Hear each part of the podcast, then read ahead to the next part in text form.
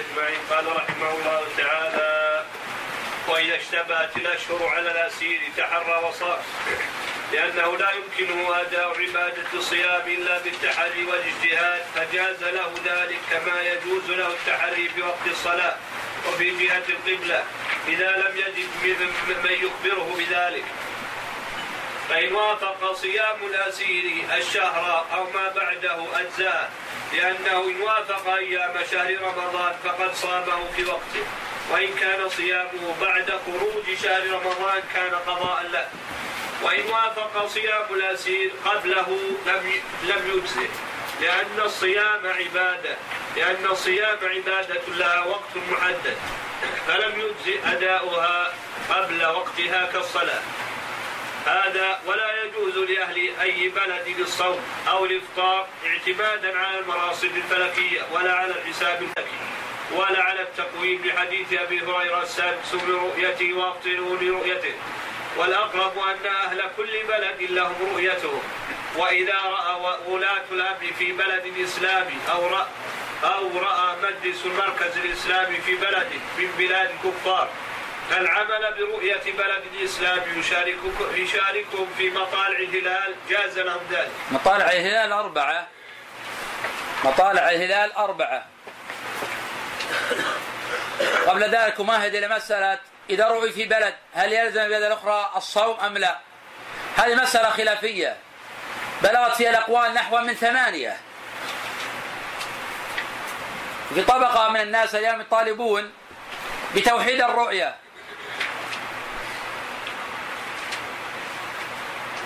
وهذا ليس بسديد على إطلاقه. لأن المطالع تختلف. وقد كان في عصر معاوية رضي الله عنه وهو أمير المؤمنين آنذاك له رؤية ولأهل المدينة رؤية. كما في قصة كريب مع ابن عباس والخبر في صحيح الإمام مسلم. فقيل لابن عباس ألا تقنع برؤية معاوية؟ قال لا. هكذا أمرنا النبي صلى الله عليه وسلم. يعني صوموا لرؤيته وافطروا لرؤيته. ولأن المطالع تختلف. فإذا كان الناس يعيشون في بلاد كفار وهؤلاء لا رؤية لهم ولا يقدرون على الرؤية فإن لا نقول بأنهم يصومون على أي بلد إنما يصومون على البلاد المسامتة لمطالعهم. وهذا الذي اختاره شيخ الإسلام ابن تيمية رحمه الله. وأما إذا لم يكن لهم مطالع أو البلاد المسامة لهم مثلهم أيضا كفار. ما عندهم مطالع. فقد ذهب غير واحد من الأئمة إلى أنهم يعتبرون رؤية أهل مكة. لأن مكة الآن هي متوسطة للأرض. مكة متوسطة للأرض. فيعتبرون رؤية أهل مكة دفعا للنزاعات.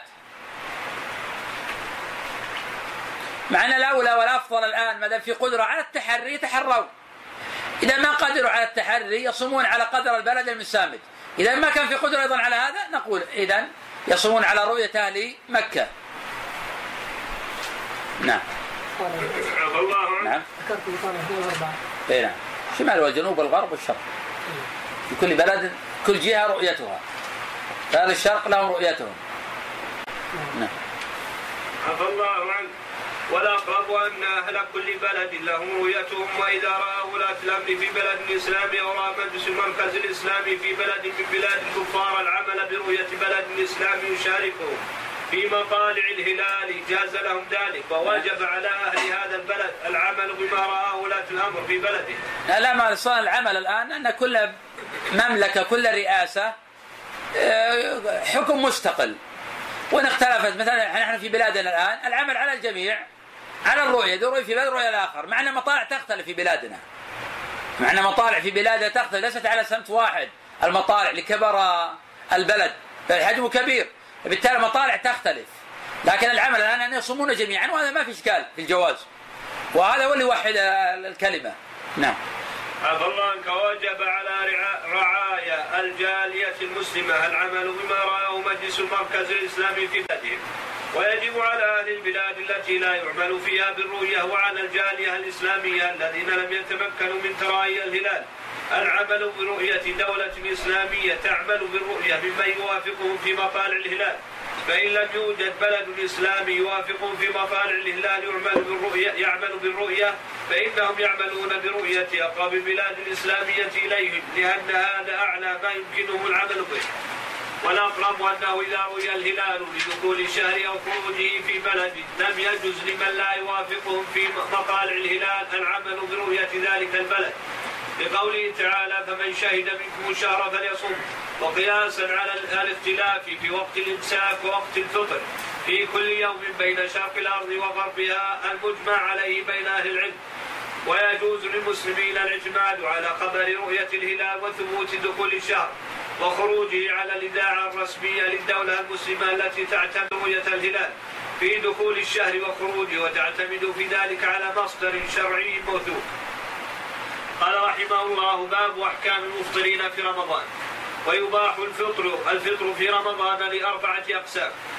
أحدها المريض الذي يتضرر به أي يتضرر إذا صام.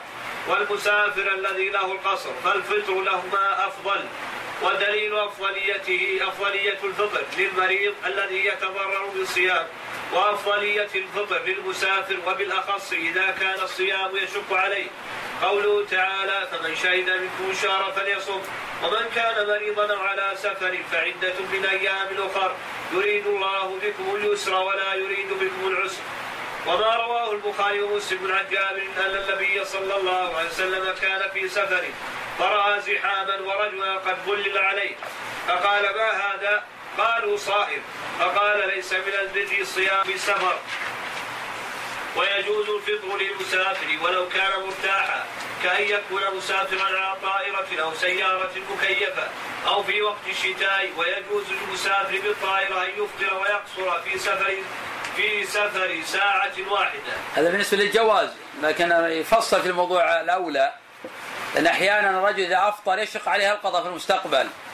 وهو الآن لا يشق عليه الصيام. فهذه في هذه الصورة على هذا الوجه نقول الصيام أفضل له. وهذا موجود في طبقة كبيرة في المجتمع. والفتوى ينبغي أن تكون مواكبة لشرائح المجتمع. أحيانا الرجل يذهب في الطائرة ما يشق عليه الفطر. يجي من يقول له الفطر أفضل. لكن في المستقبل القضاء ما يقضي. يشق عليه القضاء. يرى الناس مفطرين ما يصوم ما عنده استعداد للصيام. ثم قد يدخل على رمضان الآخر وهو مصاب. والدليل على هذا موجود والفتوى موجودة عند هذا والناس يسألون دائما عن هذا فبالتالي في هذه الصورة نقول الأولى أن تصوم يكون الصيام في حقك أفضل لأن ما يشق عليك الصيام لكن في المستقبل يشق عليك القضاء فهذا نحثهم على مسألة الصيام في السفر. ما يكون فضيلة الزمان؟ نعم. ما يكون فضيلة الزمان؟ وش فضيلة الزمان؟ الشهر شهر رمضان إذا أفطر يعني القضاء. هو الكلام إذا كان مسافر يعني هو هو مسافر الآن بياخذ بالرخصة فقلنا إذا كان في المستقبل يشق عليه فليصوم أفضل الصيام في حقه أفضل. لأن الصحابة رضي الله عنهم كانوا في السفر منهم الصائم ومنهم المفطر ولم يعب بعضهم على بعض. فدل ذلك على جواز الصيام في السفر. بعض العلماء يمنع أصلا الصيام في السفر يقول لا يجوز. قال من جاء الصبح صباح رمضان قبل العام. يروحون به 60 يصيدون هم يفطرون لا رحمه طبعا أساس الراحة الصيد. ولا ما إذا ما صادوا ماتوا جوعان نزه الصيد هنا. يعني اللهم فقط يمكن أحيانا يصيد لا يأكلوا ما يريدوا. أو ما رخص لهم هؤلاء. لا لا ما يرخص يعبثون هؤلاء. ما في فتوى لهؤلاء. والله رخص لهؤلاء. شيخ النافلة بس. صيامة. صيام النافلة بس. السفر إذا كان ما يشق عليه ما في مانع أيضا. إذا كان ما يشق عليه لأن أحيانا يذهب إلى مكة ويرى أنه عنده فراغ ويصوم ولا يشق عليه ما في حرج هذا ابدا. الصحابة رضي الله عنهم ما كان يعب بعضهم على بعض يصومون. وهذا متفق على صحته. أظن لأن الأقرب أن كل ما يسمى سفرا يجوز الترخص فيه برخص السفر كما سبق في باب صلاة المسافر. كما يجوز لمن كان سفرهم مستمرا وله ولهم أهل ومكان يرجعون إليهم كسائقي سيارات الأجرة والشاحنات وسائقي الطيارات. والقطارات ومضيفيها وغيرهم أن يترخصوا بالقصر السفر من قصر وفطر وغيرهما في حال سفرهم لأنهم مسافرون حقيقة ويقضون إذا رجعوا إلى أهلهم أو في أيام الشتاء القصيرة الباردة لأن ذلك أيسر لهم. ومن المرضى الذين يجوز لهم الفطر مرضى السكر والكلى والجلطة ونحوها ونحوهم إذا كان الصيام يضر بهم ومثلهم من كان مضطرا للعلاج المفطر في رمضان في نهار رمضان. لكن بالنسبة للناس اللي بهم مرض السكر نأمرهم بالصيام والوقت اللي يرون مشقة يفطرون. لكن ابتداء يصومون ابتداء. لأنه قد يطيقون. لأن أحيانا في مرض السكر يطيق وأحيانا ما يطيق. فابتداء نقول صم. لأنه أحيانا يطيق ويواصل ويقدر وهذا موجود في أرض الواقع. وأحيانا لا يطيق. فإذا ما طاق يفطر. ولكن ما نقول من البداية لا تصم وقد يقدر على الصيام بل نأمر بالصيام ابتداء. نعم. الله عنك شيخ. من سافر لأجل الصيد ما يعتبر مسافر يا شيخ. بس بالصيد ما له حاجة في الصيد هو بيعبث هذا. ما له حاجة في الصيد. يعني مو مهمه واضحة في الصيد.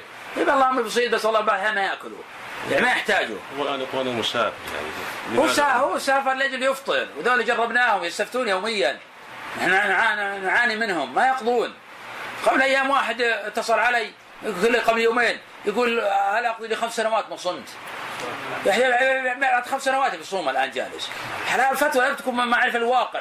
نعرف واقع هؤلاء ما ما يقضون. وهذا أيضا من ضرورة في الصيد. يبي مجرد نزهة مو بجوعان.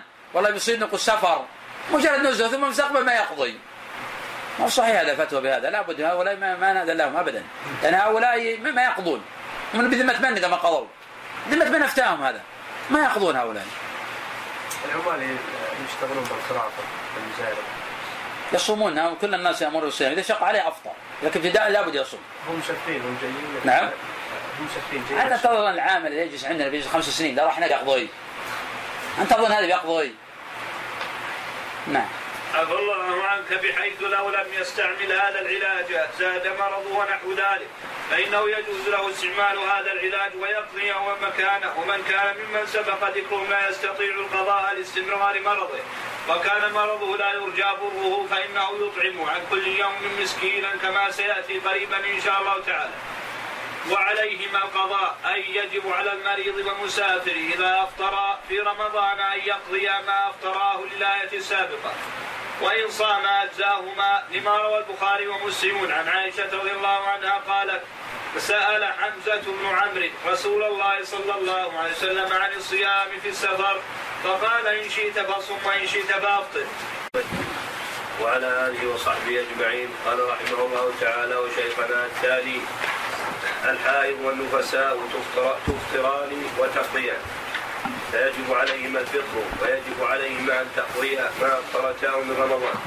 لقول عائشة رضي الله عنها كانت إحدانا تحيض على عهد رسول الله صلى الله عليه وسلم فنؤمر بقضاء الصوم ولا نؤمر بقضاء الصلاة. متفق عليه. وهذا مجمع عليه. لكن الصحيح واضح إن الحائض لا تصوم ولا تصلي إذا حاضت ولكن إذا طهرت تقضي الصيام اجماعا ولا تقضي الصلاة هذا لا إشكال فيه. أما بالنسبة للمرضع والحامل إذا شق عليهما الصيام فإنهما يفطران لكن الصواب أنهما يقضيان. كما هو قول الأئمة الأربعة والصواب. لأن الله جل وعلا فرض هذا الشهر على كل العباد ولا يسقط عن أحد إلا عن العاجز.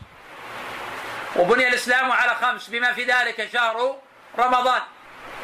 فلا بد أن يصومه. وإذا منعه مانع من الصيام يبقى معلقا في ذمته. متى ما قدر عليه وجب عليه قضاؤه. إنه قد ذهب جماعة من العلماء بأنه لا قضاء على الحامل ولا على المرضع. ويستدلان بما صح في هذا عن ابن عمر وابن عباس رضي الله عنهما. ولكن قول الجمهور أصح أنه لابد من القضاء. لأن معنى هذا أن المرأة إذا كانت حاملة أو مرضعة في رمضان وأفطرت خلاص سقط عنها الشهر. هذا لا دليل عليه. لأن الله قال فمن شهد منكم الشهر فليصمهم. من كان مريضا أو على سفر فعدة من أيام أخر هذا نوع من أنواع المرض. هذا نوع من أنواع المرض يجب قضاؤه. ولا يمكن أن نقول أن الشهر يسقط عمن هو معه عقله وعنده قدرة على ذلك. نعم. شيخ في رواية عن عبد الرزاق عن عن ابن جريج عن عطاء عن ابن عباس إنه يرى القضاء أيضا يعني في روايتين صحيح الرواية هذه إنه يرى القضاء. هي نعم صحيحة لكن المشهور عنه العدم أصح. رضي الله عنه. قال وإن صامتا لم يجزهما لحديث عائشة السابق وهذا مجمع عليه. وإذا أسقطت المرأة حملها أو حصل لها نزيف دم فعمل عملية عملية تنظيف للأرحام لإخراج الجنين الميت. فإن كان الجنين قد تبين فيه خلق الإنسان وهو ما تم له ثمانون يوما فأكثر فإنها تعتبر نفساء تفطر وتقضي. وإن كان لم يتبين فيه خلق إنسان وهو ما لم يت- يت- يتم له ثمانون يوما فإنها لا تعتبر نفساء ويجب عليها الصيام لأن حكمها حكم الطاهرات. لكن هذا محل خلاف. المؤلف ربط النفاس بأن تلد لمن بلغ ثمانين يوما. هذا قول. وعلى هذا القول إذا توفي عن المرأة زوجها ووضعت مولودا بعد الثمانين يوما ولو لم ينفق فيها الروح تخرج من العدة. والقول الثاني في المسألة أنه لا بد أن ينفق فيها الروح لأنه هو الذي سمى إنسانا. أما الأول قطعة لحم كبقية اللحوم وهذا أصح أنه لا بد أن ينفق فيها الروح لأنه هو الذي سمى آدميا وإنسانا. وعلى هذا القول إذا كانت المرأة حاملا في الثمانين لأن ما ننفق فيها الروح الآن. لا ينفق فيها الروح إلا إذا بلغ 120 يوما.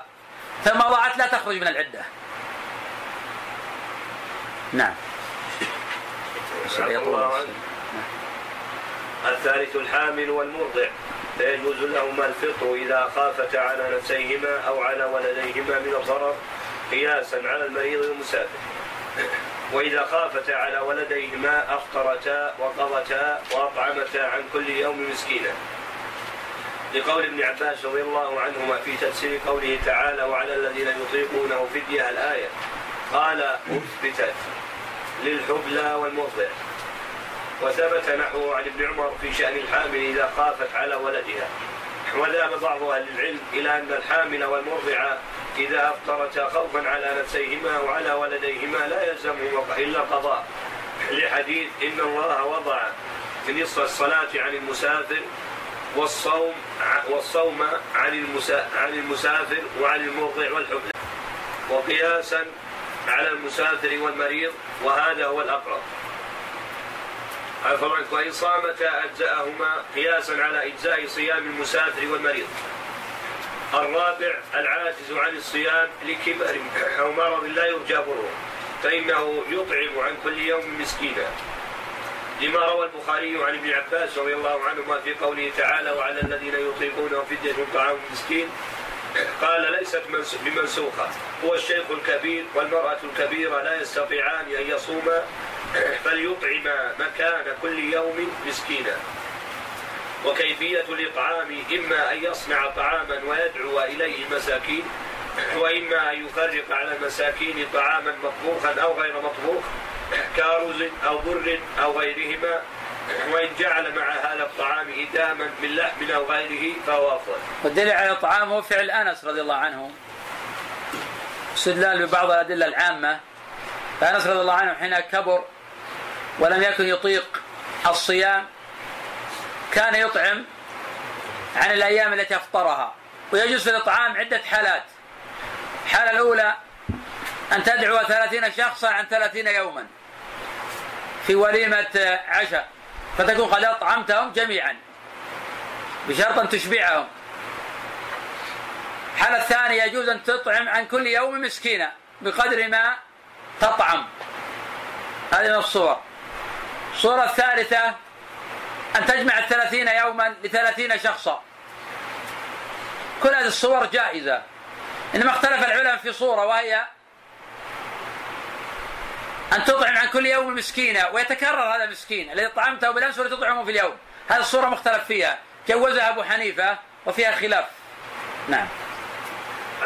والمقدار عنك. نعم. المقدار على الصلاة الفقهاء يقول مد وهذا في نظر. الصحيح بقدر ما يشبعه شرط ليه قلت بقدر ما يشبعه. لأن المقصود هو إشباعه. فإذا أشبعت لا بأس به. لأن بعض الناس الآن يتساءل يخرج مجرد رز وما يأكل الرز وحده. ما يأكل إلا بيدام ونحو ذلك. هذا كفارة اليمين. بعض الناس يخرج رز في كفارة اليمين وحده. مع أن الله قال في القرآن من أوسط ما تطعمون أهليكم. أوسط ليس هو التوسط بين الشيئين إنما هو من أمثل. هذا معنى الآية. من أمثل ما تطعمون أهليكم. فبالتالي يطعم أفضل ما يطعم. ومعنى أفضل ما تطعم ما تطعم الرز وحده. تطعم بإدام فبذلك تبذل الرز مع إدامه نعم. عفى الله عنه ويجب على سائر من أفطر القضاء لا غير.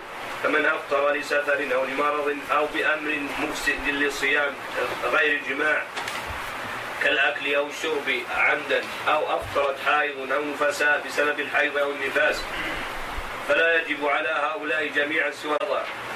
ومن كان عاصيا بفطره وجب عليه مع القضاء التوبة إلى الله تعالى من هذه المعصية التي هي من كبائر الذنوب. قياسا على من أخر الصلاة عن وقتها فلا يجب عليه سوى القضاء والتوبة إن لم يكن له عذر.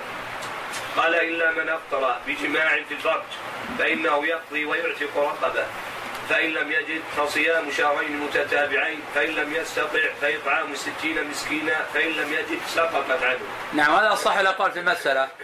أن من أفطر متعمدا في نهار رمضان؟ أن هذا اليوم الذي أفطر فيه يقضيه. أن هذا اليوم الذي أفطر فيه يقضيه. لعموم الأدلة ليس بلازم يريد دليل خاص عموم الأدلة.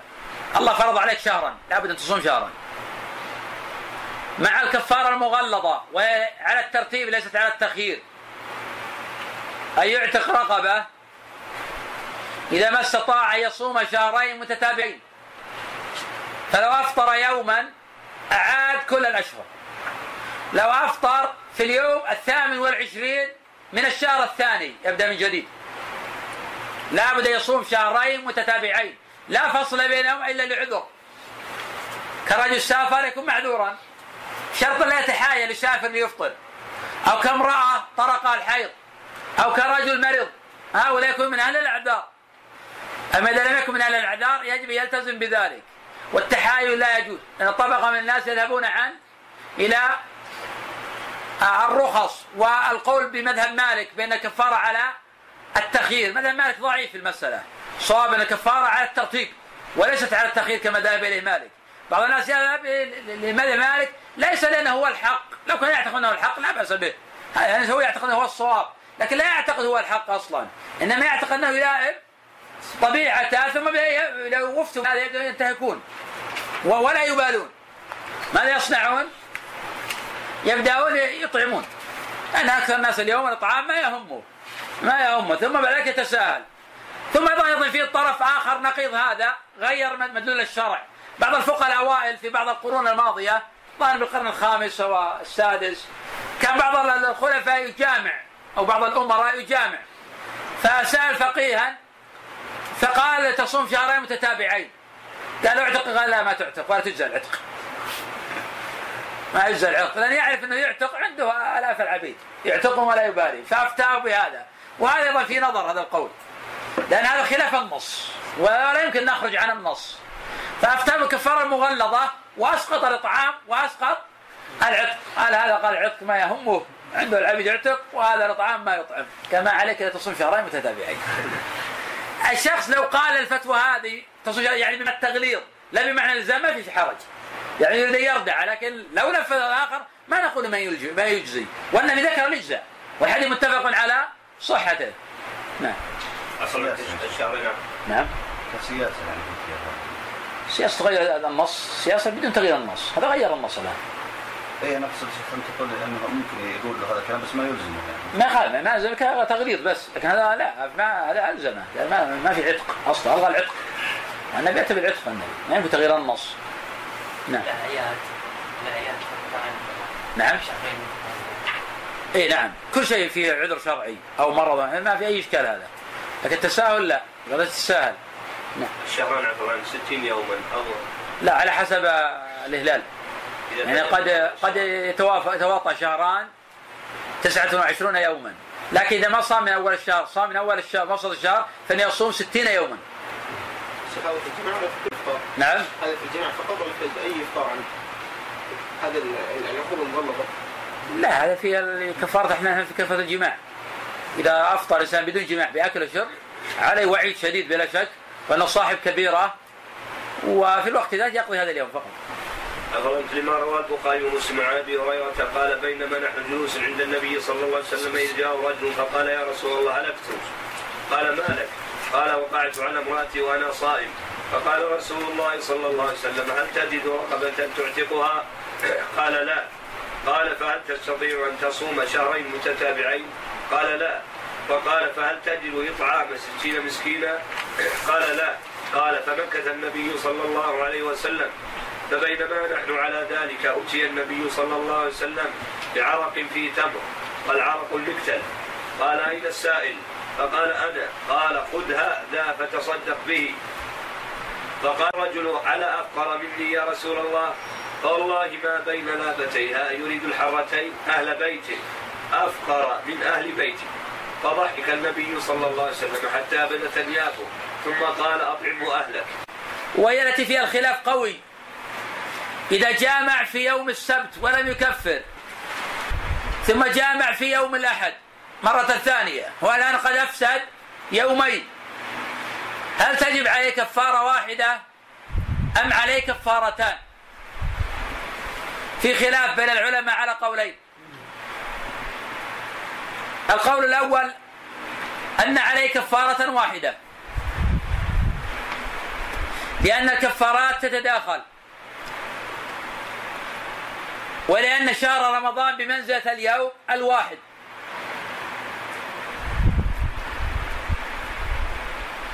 والقول الثاني في المسألة أن عليه كفارتين. لأن لكل يوم حرمة. كما أن عليه قضاء يومين عليه أداء كفارتين. لأنه هتك حرمة اليوم الأول وهتك حرمة اليوم الثاني. وهذا قول قوي. وهو أقوى من القول بأن عليه كفارة واحدة. لأن هذا أفسد يومين. ولكل يوم حكمه. أما لو كفر عن اليوم الأول ثم جامع من الغد فلا إشكال. أن عليه كفارة الثانية. نعم. عفى الله عنه. قياسا قياسا على ما لو أكل مرات في يوم واحد. فإنه لا يجب عليه إلا قضاء يوم واحد. وهذا لا خلاف فيه بين أهل العلم. وإن, وإن كفر ثم جامع في نفس اليوم الذي جامع فيه المرة الأولى فكفارة ثانية. لأنها عبادة تجب الكفارة بالجماع فيها فتكررت بتكرر الوضع إذا كان بعد التكفير. تقدم عندنا قلنا أن اليوم فسد. ولا يصح الصيام. ما دام إنه قد فسد فهو ما جامع في صيام. إنما جامع في إفطار. فلا كفارة ثانية عليه في هذا. وهذا وهذه هي الرواية الثانية عن الإمام أحمد ويصح من الرواية الأولى. نعم. أخبر قد ذهب بعض أهل العلم إلى أنه لا كفارة عليه في المرة الثانية لأن صيامه فسد بالجماع الأول فهو في الحقيقة غير صائم فجماعه الثاني لم يفسد صيامه وهذا هو الأقرب. قال وكل من لزمه الإمساك في رمضان كالمسافر المفطر الذي قدم إلى بلده نهارا وكالحائض تطهر نهارا ونحوهما. فجامع في هذا اليوم الذي لزم لزمه صيام بقيته فعليه كفارة. لأن هذا الإمساك صوم واجب في نهار رمضان فأوجب الكفارة كالصوم الكامل. وذهب بعض أهل العلم إلى أن من لم يجب عليه صيام أول النهار لعذر ثم زال عذره أنه لا يجب عليه الإمساك بقية يومه أصلا. لما ثبت عن مسعود رضي الله عنه أنه قال من أكل أول النهار فليأكل آخره. وكذلك من جامع يظن أن الفجر لم يطلع أو يظن أن الشمس غربت أو لم يعلم بدخول رمضان لا كفارة عليه الجهل. وهذا هو الأقرب. وعليه وعليه. فلا يجب عليه بالجماع في هذا اليوم كفارة. ومن أخر القضاء لعذر حتى أدركه رمضان آخر فليس عليه غيره. أي لا يجب عليه إلا قضاء قضاء ما فاته من رمضان الأول لأنه غير مفرط. وإن فرط بأن أخر قضاء رمضان حتى أدركه رمضان آخر أطعم مع القضاء لكل يوم مسكينا. لما ثبت عن ابن عباس وابن عمر رضي الله عنه وأبي هريرة أنهم أوجبوا ذلك. على من قد على من قدر على قضاء ففرط حتى جاء رمضان الثاني. وإن ترك القضاء حتى مات لعذر فلا شيء عليه لأنه غير مفرط. وإن كان لغير عذر أطعم عنه لكل يوم مسكين. لما جاء عن عائشة وابن عباس في من مات وعليه صيام من رمضان قال يطعم عنه إلا أن يكون الصوم منذورا فإنه يصام عنه. لما روى البخاري ومسلم. أن امرأة سألت النبي صلى الله عليه وسلم أن أمها ماتت وعليها صوم نذر. قالت أفأقضيه عنها؟ قال نعم فدين الله أحق أن يقضى. وذهب بعض أهل العلم إلى أنه يستحب للولي وهو الوارث أن يصوم عن قريبه الذي توفي وعليه صيام من رمضان. لم يقضه وهو مفرط في ذلك أو كان عليه صيام نذر أو كفار لحديث من مات وعليه صيام صام عنه وليه. متفق عليه وهذا هو الأقرب. نعم وقد اختلف العلماء رحمه الله تعالى في معنى قوله صلى الله عليه وسلم من مات وعليه صيام صام عنه وليه. أولا هذا الحكم على الاستحباب والاختيار لا على الإيجاب. سواء قلنا بأن الصيام نذر أو قلنا بأنه صيام عام وهذا سنذكره إن شاء الله. فقوله صلى الله عليه وسلم صام عنه وليه أي استحبابا. لأن الله جل وعلا يقول ولا تزر وازرة وزر أخرى. فلا يمكن أن يجني غيري وأنا أتحمل جنايته. الأمر الثاني اختلف الفقهاء في هذا الحديث. هل هو خاص بالنذر كما ذهب إلى طائفة من العلماء منهم ابن عباس أو أن هذا عام في النذر وغيره بمعنى أن من مات وعليه صيام جاز لوليه الصوم عنه. وظاهر اللفظ العموم.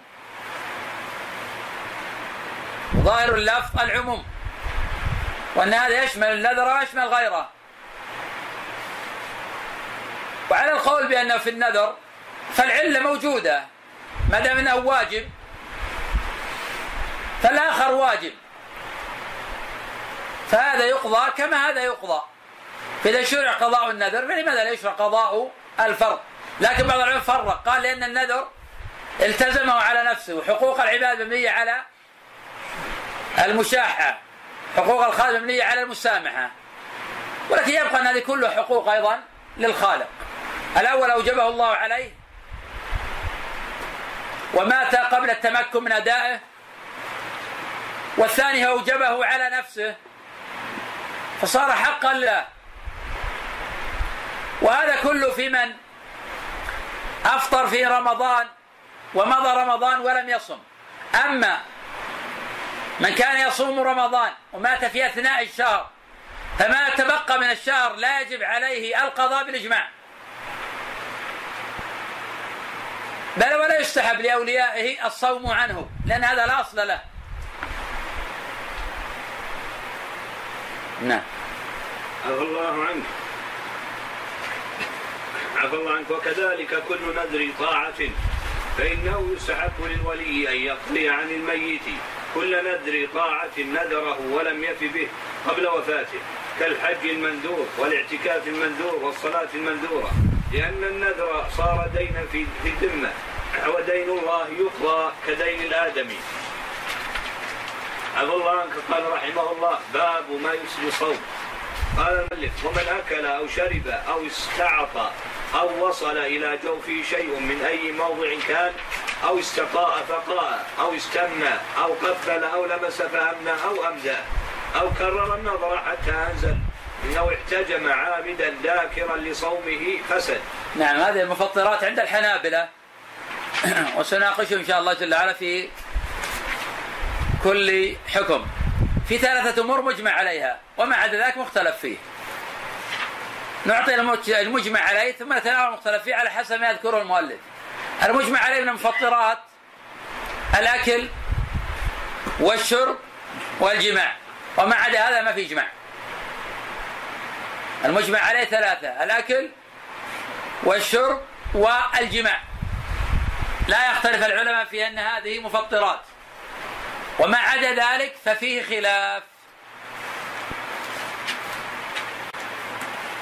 وإذا شرع المؤلف إن شاء الله تعالى في تفصيلها نفصل أيضا فيها الأحكام ومذاهب الأئمة. نعم. عفى الله عنك. وإن فعله ناسيا أو مكرها لم يفسد صومه. نعم قوله إن فعله الناس أو مكرها. الإكراه أيضا في خلاف بالنسبة لبعض المسائل والنسيان أيضا في خلاف بالنسبة للجماع. لأن بعض الفقهاء يقول مثل الجماع ما يقع في نسيان. فلو فعله سواء كان ناسيا أو غير ناسي. فإن كفارة تلزمه. وطائف من العلماء يقولون إن الحكم معلق بالنسيان. إذا وجد وجد الحكم. إذا ما وجد لم يوجد الحكم. لا يوجد قد يوجد. نعم. أظن في كلام المؤلف هذا مسائل.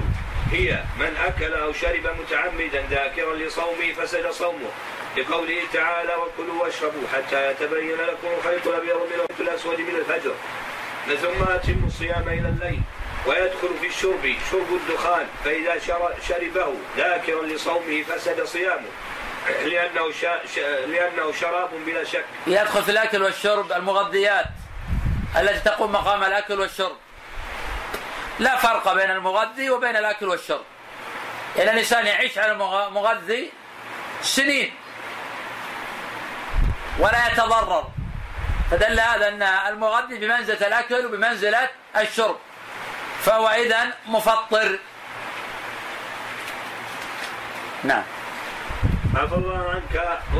وشرب كل شيء بحسبه. فهو شراب ضار محرم. من استعط بصب الدواء في الأنف أو باستنشاقه فوصل وفاصل إلى جوفه وهو متعمد إدخاله إلى جوفه ذاكرا لصيامه فسد صومه. لأن الأنف منفذ إلى المعدة ولهذا قال صلى الله عليه وسلم في حديث لقيط ابن صبرة وبالغ في الاستنشاق إلا أن تكون صائما. من أوصل شيئا إلى جوفه من أي موضع من جسده كأن يداوي. لكن المقصود وصل آه، ليس الطعم. الطعم ما يؤثر. لأن الإنسان حين يطع الشيء أحيانا بقدمه يحس بالطعم في حلقه وهذا لا يفطر. المقصود بما يدخل بما يسمى مغذيا ويعطي البدن قوة. أما ما لا يعطي البدن قوة فإن هذا لا يفطر. وذاك أحيانا الإنسان يضع القطرة في عينيه ويحس بالطعم في حلقه فهذا لا يفطر. ولأن الأصل في العين أنها ليست منفذا للمعدة بخلاف الأنف. الأنف منفذ للمعدة. ومن ثم قال النبي صلى الله عليه وسلم وبالغ في الاستنشاق إلا أن تكون صائمة. هذا في إشارة إلى أن الأنف منفذ للمعدة. نعم. الله كأن يداوي جرحا غائرا في جسده وكأن يدخل العلاج إلى جوفه من طريق القبل أو الدبر ونحو ذلك وكان متعمدا لذلك ذاكرا لصومه فسد صومه لما روي عن النبي صلى الله عليه وسلم أنه قال الصيام مما دخل. هذا الحديث لا يصح عن النبي صلى الله عليه وسلم. والصواب أنه من قول أبي هريرة وقول ابن عباس وأيضا معنى الحديث مما دخل دخل المعدة وقوى البدن. أما ما يدخل من الذكر و والدبر فهذا في تفصيل. فإن كان على وجه التغذية فهذا يفطر. إن كان على وجه العلاج فهذا لا يفطر. لأن هذا ليس أكلا ولا شربا ولا هو بمنزلتهما نعم وذهب بعض أهل العلم إلى أن الإنسان لا يفطر إلا بالأكل أو الشرب أو ما يقوم مقامهما مما يغذي ويقوي الجسد كتقوية الطعام والشراب. لعدم الدليل على إفساد الصيام بغير ذلك وهذا هو الأقرب. وعليه فإن الإفرة العلاجية غير المغذية وكذلك التقطير في العين آه، والأذن ونحو ذلك لا تفسد الصيام. أما الإبر المغذية ومثلها حقن حقن الدم في الجسد وتغيير الدم عند وتغيير الدم عند غسيل الكلى فإنها تفطر لأن ذلك يقوم مقام الطعام والشراب. والأقرب أن بخاخ الربو لا يفسد الصيام لأن دخول شيء من السائل الذي في عبوة البخاخ إلى المعدة غير مقطوع به والأصل بقاء الصوم وصحته واليقين لا يزول بالشك. ومثله بخار الأكسجين. ولا حرج في استعمال الفرشاة والمعجون وحشو السن حال الصيام لأن المعجون والحشو لا يدخلان إلى المعدة. وكذلك لكن يحتاط الإنسان. يدع المعجون إلى الليل. ويحتاط في إصلاح الأسنان إلى الليل. لأن أحيانا وهو يعمل في الأسنان ليضع الحشوة يدخل شيء إلى الحلق ويذهب إلى المعدة. خاصة أنه بالإمكان الإنسان يحوله إلى الليل ولا تدعو الضرورة إليه في النهار. ويقوم مقام المعجون السواك وهو عبودية. والسواك مطهرة للفم مرضاة للرب. نعم. عفى الله عنك. وكذلك لا حرج على الصائم في إدخال عفى الله عنك. وكذلك لا حرج على الصائم في إدخال قسطرة أو إدخال منظار أو- نحوه في أي جزء من جسم الإنسان ولو من الفم. أن ذلك ليس بأكل ولا شرب ولا يقوم مقام مقامهما. وكذلك لا حرج على الصائم في استعمال الدهان أو المكياج أو حمرة الشفاء للنساء أو المرهم المرطب للشفتين أو العطر لأن ذلك كله ليس بأكل ولا شرب. لكن هذا في تفصيل بالنسبة للكراهية. إذا كانت المرأة متزوجة فإن المرأة لا تتجمل في نهار رمضان لأن هذا قد يبعث الشهوة عن الزوج فيقع المحذور. والنبي صلى الله عليه وسلم يقول دع ما يريبك إلى ما لا يريبك. والنبي صلى الله عليه وسلم يقول فمن اتقى الشبهات فقد استبرى لدينه وعرضه. فالمرأة تحت كل الحرص ألا تتجمل في نهار رمضان لئلا تفتن الزوج وهذا في محذور. وبارك على نبينا محمد وعلى آله وصحبه أجمعين قال رحمه الله تعالى وشيخنا كتاب الحج والعمرة.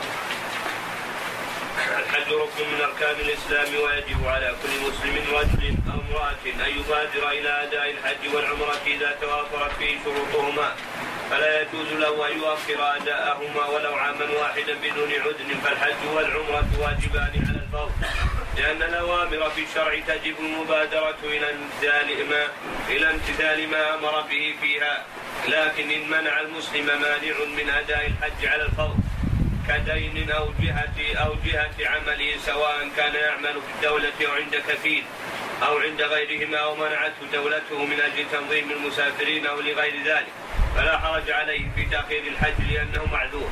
وقد وردت أد- أدلة كثيرة تدل على فضل الحج ومن هذه الأدلة قوله صلى الله عليه وسلم العمرة إلى العمرة كفارة لما بينهما والحج المبرور ليس له جزاء إلا الجنة. متفق عليه. وقوله صلى الله عليه وسلم من حج فلم يرفث ولم يفسق رجع كيوم كيوم ولدته أمه. متفق عليه. وقوله صلى الله عليه وسلم ما ما من يوم أكثر من من أن يعتق الله فيه عبدا من النار من يوم عرفة. وإنه ليدنو ثم يباهي بهم الملائكة فيقول ما أراد هؤلاء. فيجب على المسلم أن يحرص على أن يكون حجه مبرورا ليفوز بالأجور والفضائل العظيمة التي رتبها الغني الكريم جل وعلا على الحج المبرور. والتي سبق ذكر بعضها في الأحاديث السابقة والحج المبرور هو ما جمع عدة أوصاف. الوصف الأول أن يكون الحاج مخلصا في جميع أعماله في في جميع أعمال حجه لله تعالى فلا يريد بذلك مدح الناس ولا يستحق به وصفا معينا يوصف به الحاج. لا يريد بذلك ولا يريد بذلك شيئا من متاع الدنيا من مال أو غيره كما قال جل وعلا من كان يريد العاجلة عجلنا له فيها ما نشاء لمن نريد ثم جعلنا له جهنم يصلاها مذموما مدحورا. ومن أراد الآخرة وسعى لها سعيها وهو مؤمن فأولئك كان سعيهم مشكورا. وقوله صلى الله عليه وسلم فيما يحكيه عن ربه جل وعلا من عمل عملا أشرك أشرك معي فيه غيري تركته وشركه. رواه مسلم. الوصف الثاني أن يكون متبعا فيه رسول الله صلى الله عليه وسلم بحيث يؤدي الحج كما أداه النبي عليه الصلاة والسلام لقوله صلى الله عليه وسلم من عمل عملا ليس عليه أمرنا فهو رد رواه مسلم.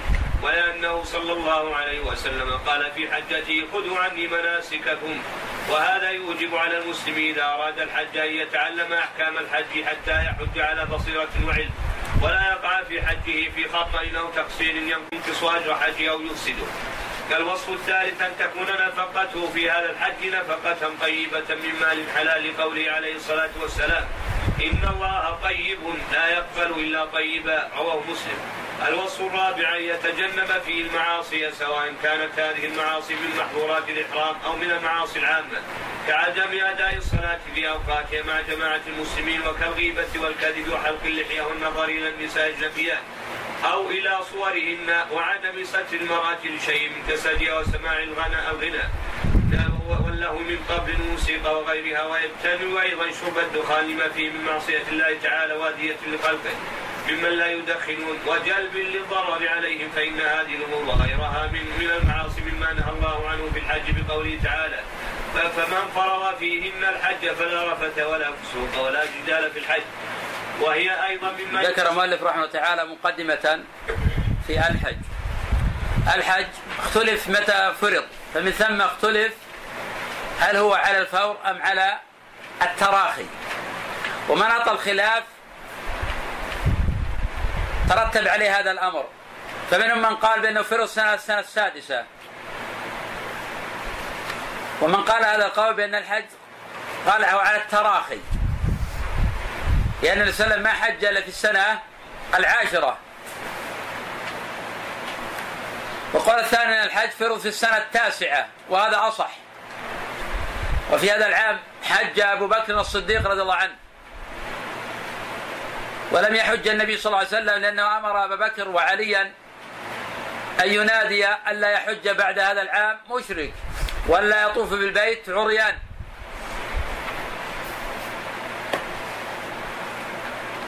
وحج النبي صلى الله عليه وسلم في السنة العاشرة. فمن اختلف العلماء هل الحج على الفور أم لا؟ قال الطائفة بأن الحج على الفور. وهذه رواية عن الإمام أحمد. لأن النبي صلى الله عليه وسلم قال إن الله كتب عليكم الحج فحجوا. ولأن الأمر على الفور ولأن الإنسان لا يدري ماذا يعرض له. وقال الطائفة إنه على التراخي ما لم يقصد الترك.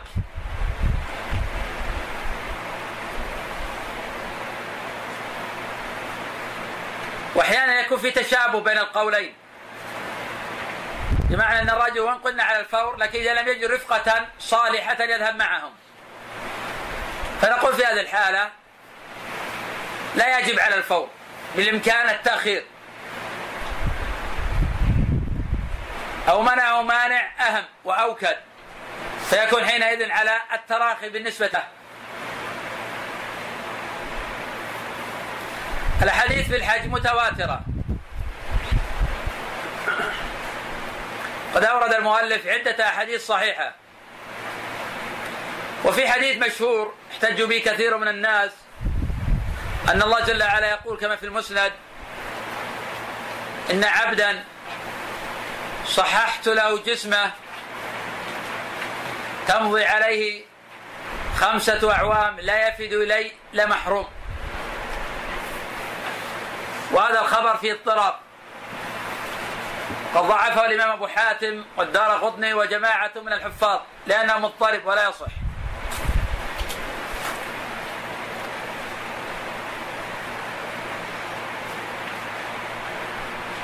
وفي المتفق عليه أن النبي صلى الله عليه وسلم قال والحج المبرور ليس له جزاء إلا الجنة. وألخص صفات الحج المبرور الأول أن يكون خالصا لله. الثاني أن لا يكون في رفث. الثالث أن لا يكون في فسق. سواء فسق لازم أو فسق متعدي كل واحد. الشرط الرابع أن تكون النفقة حلالا. الشرط الخامس أن لا يكون في جدال بالباطل. إذا اختل شيء من ذلك فحجه ليس مبرورا. والمرأة في هذا كالرجل. وعلى هذا المرأة إذا خرجت وهي متبرجة ولابسة للعباءة الفاتنة الضيقة الواصفة لحجم عظامها الفاتنة فهذه امرأة ليس حجها مبرورا. لأن ذهبت تؤذي. ما ذهبت تحج هذه؟ ذهبت كأن في عرض أزياء أجسام. وعرض أجسام في الحج. كذلك المرأة لا تزاحم الرجال في الرمي. ولو أدى هذا إلى التأخير. نلاحظ بعض النساء تزاحم الرجال. وهذا منكر. وهذا منكر. لا تزاحم الرجال. تؤخر الرمي. إما إلى الليل. الرمي ليلا جائز. لقول عبد الرحمن بن سابط وهو احد أئمة التابعين كان أصحاب رسول رسول الله صلى الله عليه وسلم يرمون ليلا. روى ابن أبي شيبة بسند صحيح. أما كون تزاحم الرجال فهذا غلط. ولذلك قال النبي صلى الله عليه وسلم لأم سلمة طوفي من وراء الناس. هي المرأة لا تزاحم الرجال لأن هذا منكر. أحيانا ترى الرجل لاصقا بالمرأة. وهذا من المنكرات. سيتنبه لهذا. نعم. عفى الله عنك قال يجب الحج والعمرة مرة في العمر على المسلم البالغ الحر إذا استطاع إليه سبيلا. ومن أدلة وجوب الحج قوله تعالى ولله على الناس حج البيت من استطاع إليه سبيلا. ووجوبه مجمع عليه بين أهل العلم. ومن أدلة وجوب العمرة ما ثبت عن عائشة رضي الله عنها قالت قلت يا رسول الله هل على النساء جهاد؟ قال نعم عليهن جهاد لا قتال فيها الحج والعمرة. نعم لفظة الحج. هذا في البخاري. أما لفظة العمرة عند ابن ماجه وأحمد في إسنادها نظر. والأقرب العلم عند الله أنها شاذة. نعم. عفى الله عنه. والاستطاعة أن يجد زادا وراحلة آه، بآلتها. أي آلة الراحلة التي يركبها إلى الحج كالرحل والمح- والمحمل. الصواب انه لا يلزم أن يجد. يعني الوجود لازم يكون مالكا لذلك. يعني اذا وجد نفقة يبذلها لمن يذهب معه كفى هذا. لازم الإنسان يجد هو الراحله لنفسه. أهم شيء يجد قدرة على آه، وجود نفقة الركوب على الراحلة. أحيانا الفقهاء يقولون أن يجد راحلة حتى لو وجد راحلة نشترط شرطا آخر. القدرة على الركوب على الراحلة. أحيانا يكون عندنا راحلة لكن هو عاجز عن الركوب على الراحلة.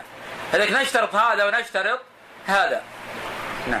كذلك أمن الطريق. لا بد من أمن الطريق. لكن لا يأمن في الطريق فإنه لا يجب عليه الحج.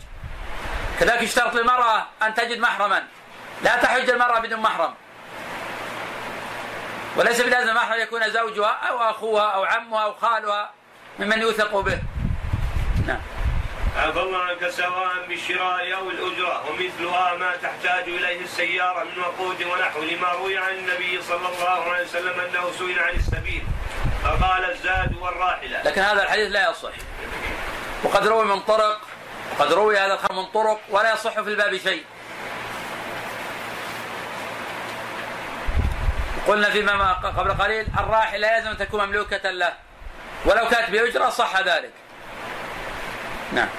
عفى الله عنك ولانها عبادة تتعلق بقطع مسافة بعيدة فاشترط لوجوبها الزاد والراحلة كالجهاد. زاد الراحله وأمن الطريق. والقدرة على الركوب. قد يكون عند عند الإنسان زاد وراحلة ما يستطيع يحج لأنه عاجز عن الركوب. أو يكون عنده زاد وراحل وقادر على الركوب لكن لا يأمن الطريق. في قطاع طرق. هذا لا يجب عليه الحج. نعم. الله عنك ولا يعد من وجد الزاد والراحل وآلتهما مستطيعا حتى يكون ذلك مما يصلح لم- لمثله. فإذا كان من الأغنياء فيجد زادا وراحلة وآل- وآلة تناسب الأغنياء. وإذا كان من المتوسطين فيجد من ذلك ما يناسب المت- المتوسطين وهكذا. لأن اعتبار الراحلة في حق القادر على المشي إنما كان لدفع المشقة. فيجب أن يعتبر ها هنا ما تندفع به المشقة وهو ما يصلح لمثله. وذهب بعض أهل العلم إلى أنه إذا وجد زادا وراحلة وجب عليه الحج ولو لم يكونا صالحين لمثله. لعموم قوله تعالى من استطاع إليه سبيلا وهذا هو الأقرب. نعم هذا هو الصواب. أنا أشترط للرجل الذي يليق بمثله من الأثرياء. إذا لم يجد سيارة بمليون ريال لا يحج على السيارة بسبعين ألف ريال هذا غير صحيح. يجب عليه ما دام قادرا على الحج يجب عليه يحج. سواء على داتسون أو على هيلوكس أو على غير ذلك. لازم يركب سيارة مليون ريال. ما في سيارة تنقله إلى البيت الحرام يجب عليه يركبها. لأن الله جل وعلا قال لمن استطاع إليه سبيلا وهذا مستطيع إلى الوصول إلى البيت. يجب عليه الذهاب والركوب. ولا عذر له اذا تخلف عن ذلك بحجة أنه لم يجد سيارة تليق بمثله. ومن هو مثلك الذي يقول يليق به؟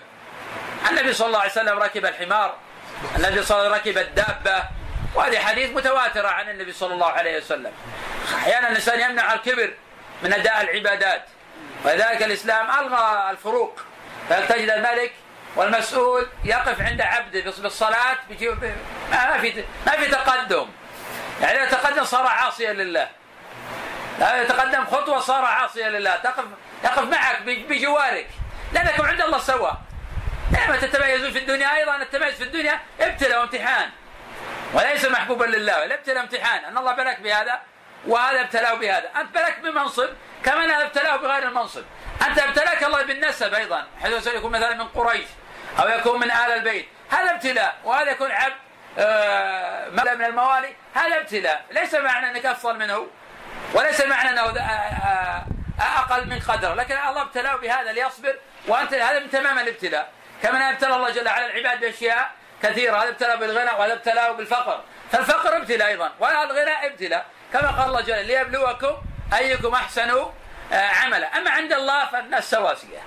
يعني يوم القيامة يعني لو بطى بك عملك لم يرتفع بك ما مالك ولا نسبك ولا جاهك ولا شيء من ذلك كما قال صلى الله عليه وسلم بطى به عمله لم يسرع به نسبه ولكن يقف هذا الملك ويقف الرجل العبد بجواره.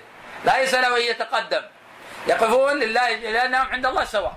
ما دام عند الله سواء يقفون سواء في آه، مقابلة الله جل وعلا. عفى الله عنك ومن الاستطاعة في هذا العصر في حق من كان داخل هذه البلاد أن يجد أجرة حملة الحج. ومن الاستطاعة في حق من كان خارج هذه البلاد أن يجد أجرة المطوف فمن لم يجدها لم يجد مطوف لا أصل له هذا مطوف. هذا مطوف لا أصل له. أكثر مطوفين لصوص. يأكلون أموال الناس بالباطل. ويدعون بالأدعية الجماعية المبتدعة. ولا أصل له للمطوفين هؤلاء. إنما نعمل حملات أصبحت الآن ضرورة يلزمون بها. أما يذهب مع مطوف لا أصل له. يتعلم يطوف بالبيت اللي معه يذهب مع طلبة علم أو مع ناس يستفتيهم ويعرف كيف يطوف بالبيت ويتعلم قبل أن يحج أصلا قبل أن يعتمر أما الشخص يدعو جماعيا يدعون جماعيا هؤلاء هؤلاء يؤذون. وأحيانا يلحنون لحنا عظيم يغيرون المعنى. حتى يقول الله يقول الله باعد بيننا. فما يدري المباعدة واصلا ما يدري عن شيء. وأحيانا يأتي بألفاظ تغيير للمعنى. لأنه جاهل تجارة أصبحت. وأحيانا يدعو ألفاظ مبتدعة وتوسلات مبتدعة. وأحيانا يقول نتوسلك بجاه محمد. وهذا من الألفاظ المبتدعة التي لا تجوز مبتدعة التي لا تجوز. فهؤلاء يؤذون الناس ما, ما, ما يصلحون هؤلاء يفسدون. لذلك الإنسان يذهب يسأل طلبة العلم ويسكت ويقرأ إن شاء قرأ قرآن في الطواف إن شاء دعا إن شاء سكت. كله جائز هذا. تسبح وهلل كله جائز. المقصود تطوف بالبيت سبعة أشواط. ينكر عليهم نعم, نعم ينكر عليهم هؤلاء. هذا قدر عليك ينكر عليهم هؤلاء. كيف يجعلوا شرطا لصحة الحج هذا غلط كبير هذا. يعني المطوف الحملات هذا العرف معروف عندهم يعني راح القضية المطوف اللي المبتدع لا. إيه يقصد المطوف اللي هو الحملات. هو ذكر الحملة. لا هذه حملات داخل. والمطوف للخارجين يسمونه. اللي داخل حملة واللي من الخارج مطوف. نعم هذا جيد. تابع مطوف. نعم. هذا جيد. المطوف هذا المبتدع ذا اللص. هذا يجب محاربته هذا. لا هو ذكر هذا الشيء يسلمونه المطوف لا لا اللي استجاب له خيام استجاب له لكن هؤلاء لا موجودين. آخر ما موجودين بس شيء فردي. أما اللي يشترطون إنه ما يحج من الخارج إلا مع مطوف. هذه هي الحملة. جيد. اهم شيء المطوف هذا يبتعد عنها مبتدع. ذا اللص اللي يأكل الناس بالباطل.